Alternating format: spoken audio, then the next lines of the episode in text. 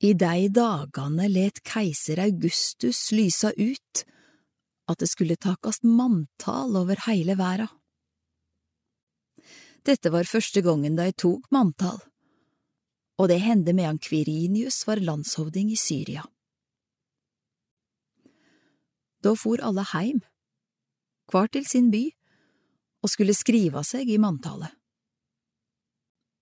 Også Josef drog da fra byen Nasaret i Galilea og opp til Judea, til Davidsbyen, som heiter Betlehem, for han høyrde til Davids hus og ett, og skulle skriva seg der sammen med Maria, som var lova bort til ham.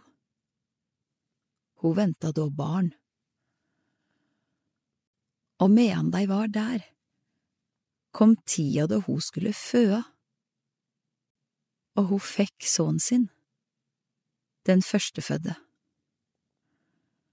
Hun sveipte han og la han i ei krybbe, for det var ikke husrom for dei.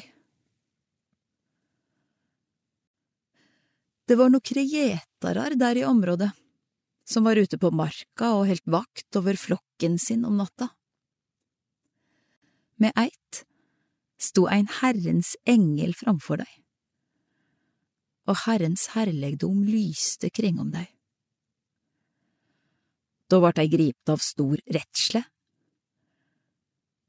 Men engelen sa til dei, Vær ikkje redde. Sjå, eg kjem til dykk med båd om ei stor glede, ei glede for heile folket.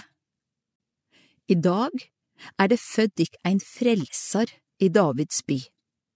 Han er Messias, Herren. Og det skal det ha til teiken.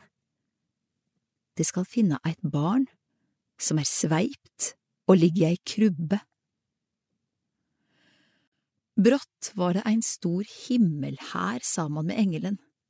Dei lova Gud og song, Ære være Gud i det høgste og fred på jorda, blant mennesker Gud har glede i. Da englene hadde fare attende til himmelen, sa gjetarane til hverandre.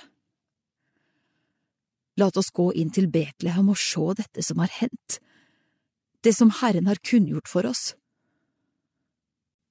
Så skunda de seg dit, og fant Maria og Josef og det vesle barnet som lå i krybba. Da de fikk sjå det, fortalte de alt som hadde vorte sagt dei om dette barnet. Alle som høyrde på, undra seg over det gjeterne fortalte. Men Maria gjøymde alt dette i hjertet sitt og grunna på det